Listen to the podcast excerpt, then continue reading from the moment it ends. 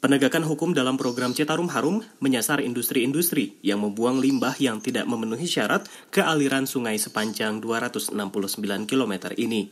Limbah industri memang menjadi salah satu pencemar sungai Citarum bersama sampah rumah tangga dan kotoran ternak. Polda Jawa Barat yang digayat oleh Satgas Citarum melaporkan selama 2018 telah mengungkap 58 kasus pelanggaran.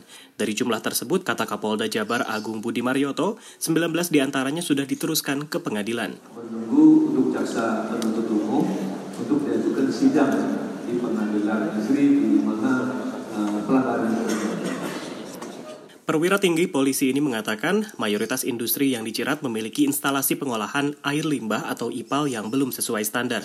Polda Jabar mencatat mayoritas perusahaan yang melanggar berada di Kabupaten Bandung, Kabupaten Bandung Barat, dan Kota Cimahi. Bupati Bandung Barat Dadang Nasir menyatakan dukungan penuh terhadap upaya polisi ini. Dia tidak akan membela perusahaan di wilayahnya yang terbukti nakal. 142 perusahaan sedang kita proses mana yang dibina, eh, terus mereka juga diberi kesempatan memperbaiki, mana yang diangkat ke jalur hukum. Itu. Kalau proses pembinaannya seperti apa? Ya pembinaannya kan ada perjanjian dengan mereka. Oleh LH perjanjian, oh ini perbaiki IPA-nya. IPA-nya diperbaiki. Namun upaya ini tidak semulus yang diperkirakan. Di lapangan, polisi masih kekurangan ahli pidana lingkungan, ahli lingkungan, ahli bahan beracun dan berbahaya B3, serta ahli korporasi. Selain itu, upaya aparat juga terhambat sedikitnya jumlah pengambil sampel dan pejabat pengawas lingkungan hidup atau PPLH. Padahal, kehadiran PPLH ini diwajibkan undang-undang. Kalau kepolisian hari ini juga diminta pasti akan datang. Tapi dalam konteks penegakan hukum harus bersama-sama Jangan sampai nanti dari pengadilan itu dijadikan sanggahan oleh pengacaranya, maka bisa kondisinya bebas. Di samping itu, belum semua lokasi memiliki laboratorium yang terakreditasi, sementara uji lab yang ada bisa mencapai dua minggu. Keduanya turut menghambat proses penyelidikan dan penyidikan kasus. Asosiasi Pengusaha Indonesia Apindo Cimahi yang terdiri dari 47 perusahaan di kota itu mengeluhkan perbedaan standar IPAL yang ada di lapangan. Dewan Pertimbangan Apindo Cimahi Samsul Ma'arif menceritakan, industri diminta mengolah limbahnya menjadi air jernih dengan ikan yang hidup di dalamnya.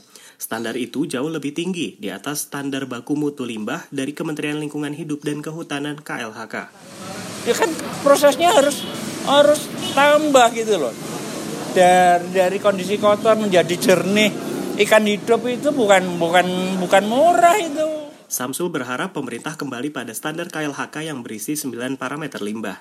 Asosiasi akan membela siapa yang benar, siapa yang belum benar pengen benar, dan kalau yang nakal ya silakan satgas atau pemerintah yang polisi jalur hukum ya. No, silakan lah yang punya ke kekuasaan. Gubernur Jawa Barat Ridwan Kamil yang juga jadi ketua Satgas Citarum mengakui terjadi perbedaan standar di lapangan. Standar itu diterapkan oleh komandan sektor atau dan sektor yang bertugas melakukan pemulihan ekosistem dan monitoring pelanggaran. Karena itu pihaknya akan membentuk kantor tunggal di mana semua keputusan dibuat.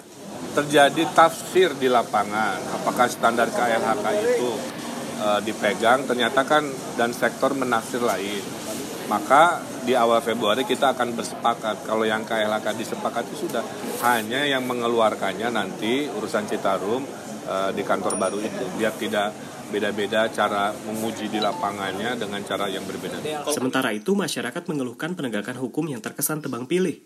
Dadan Hermawan, mantan aktivis Walhi Jawa Barat, mengatakan banyak bangunan masyarakat dibongkar sementara pabrik dibiarkan berdiri. Belum berkeadilan sosial. Jadi hari bangunan masyarakat yang di sempadan sungai dibongkar, hari pabrik dibongkar. Bisa kan tadi sebenarnya tadi saya minta statementnya Kapolda. Kapolda berani nggak?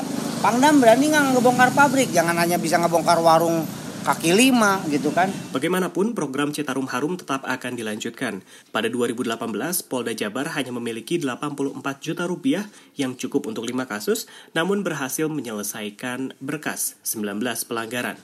Kapolda Jabar Agung Budi Marioto mengatakan telah menerima kucuran 3 miliar rupiah langsung dari Mabes Polri. Angka 35 kali lipat ini, ujar dia akan digunakan sepenuhnya untuk Citarum. Yang ini akan kita distribusikan juga kepada polres-polres yang menangani khusus menangani Citarum saja. Tidak boleh misalkan ada kasus tidak pidana tertentu dengan penambangan pasir di Garut tidak boleh. Jadi 3 miliar ini khusus difokuskan untuk penanganan program Cita Harum sehingga tahun 2011 bisa maksimal. Dari Bandung, Jawa Barat, Riot Wasikal melaporkan untuk VOA Washington.